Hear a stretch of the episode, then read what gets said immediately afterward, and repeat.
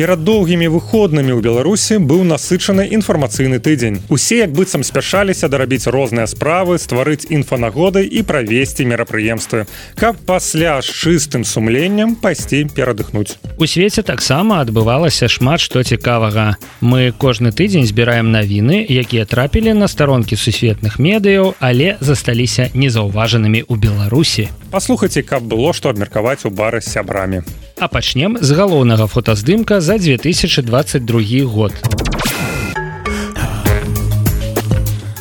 Украінскі фотограф Яўген малалетка атрымаў галоўную фотажурналісцкую прэмію World Пресс фото. Малалетка стаў пераможцам у намінацыі фатаграфія года.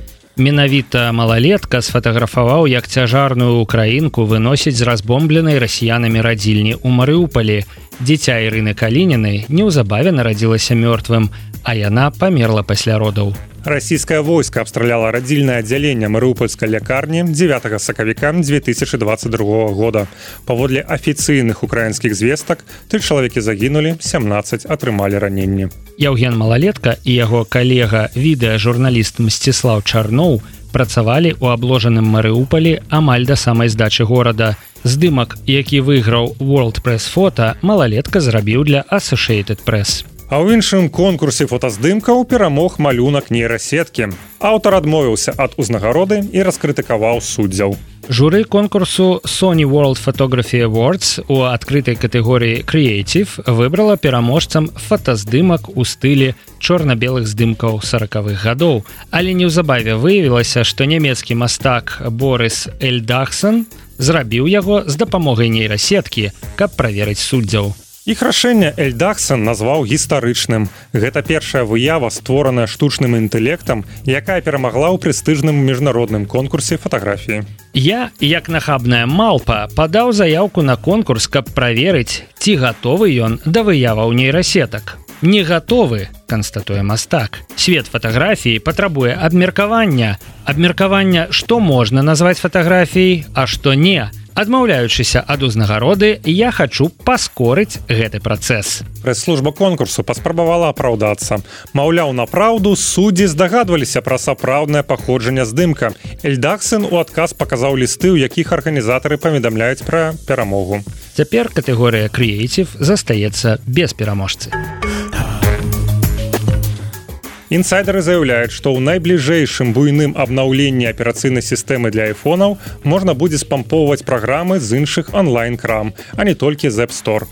Такім чынам Apple пачне выконваць новыя патрабаванні еўрапарламента. App Store пазбавіцца манаполіі. Нядаўна уведзеныя палажэнні закона Еўросаюза аб лічбавых рынках патрабуюць, каб Google і Apple давалі карыстальнікам доступ да старонніх крамаў з праграмамі, дазваляючы распрацоўнікам аб абысці 15соткаў і 30соткаў камісіі крамаў App Store і Play Store. Apple спрабавала аспрэчыць закон, сцвярджаючы, што усталяванне праграм з ненадзейных крыніц павялічыць рызыку махлярства, шкодных праграм і іншых праблем для карыстальнікаў. Аднак Еўросаюз не прыняў гэты аргумент кампаніі. Як менавіта будзе працаваць доступ да пабочных крам з праграмамі, пакуль невядома, але мяркуецца, што кампаніі раскрыюць усе падрабязнасці на чэрвеньскай прэзентацыі. Таксама на прэзентацыі ў чэрвені Apple прадставіць новы MacBook, аперацыйную сістэму XROS і сваю першую гарнітуру змяшанай рэальнасці.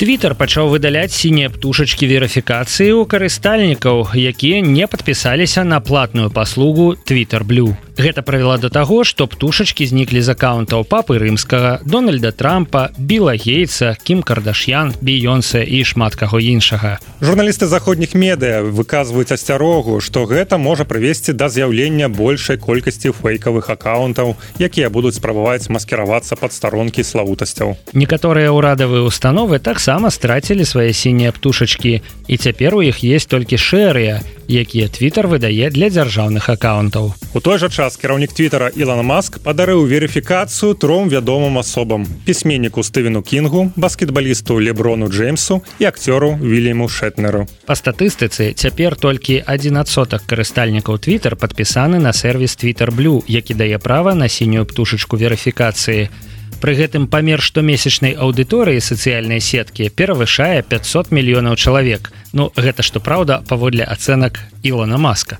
Уладальнік твиттера паведаміў, што рэкламадаўцы гатовы вяртацца на старонкі сацыяльнай сеткі. Але на самой справе Ілон Маск імкнецца павялічыць даход ад падпісак, каб зрабіць платформу палітычна незалежнай і зноў пра нейрасеткі. Сям'я легендарнага аўтагоншчыка михаэля шумахера мае намер падаць у суд на нямецкі часопіс ди актуэля за публікацыю падробленага інтэрв'ю са спартоўцам. Сваякі семіразовага пераможцы формулы 1 абураныя тым што выданне апублікавала згенераванае штучным інтэлектам інтэрв'ю под выглядам рэальнага. У загалоўку артыкулу было пазначана што гэта першае інтэрв'ю шумахера пасля аварыі У інтэрв'ю сцвярджаецца, што жыццё шумахера змянілася пасля траўмы, атрыманай на гарналыжным схіле. Паводле аўтараў артыкула пасля трагедыі і жыццё ўсіх блізкіх спартоўцы стала жудасным. Унутры інтэрв'ю тлумачылася, што цытаты шумахера на самой справе не з'яўляецца яго словамі, а былі створаны з дапамогай штучнага інтэлекту. Аднак, на думку сям'і гоншчыка, матэрыял быў неэтычны і ўводзіць чытачоў у зман. 29 снежня 2013 года Михаэль Шумахер разбіўся падчас адпачынку ў гарах. Ён выехаў за межы трасы і ударыўся галавой аб выступ скалы. Шлем Шумахера расчапіўся, а сам ён неўзабаве ўвайшоў у кому.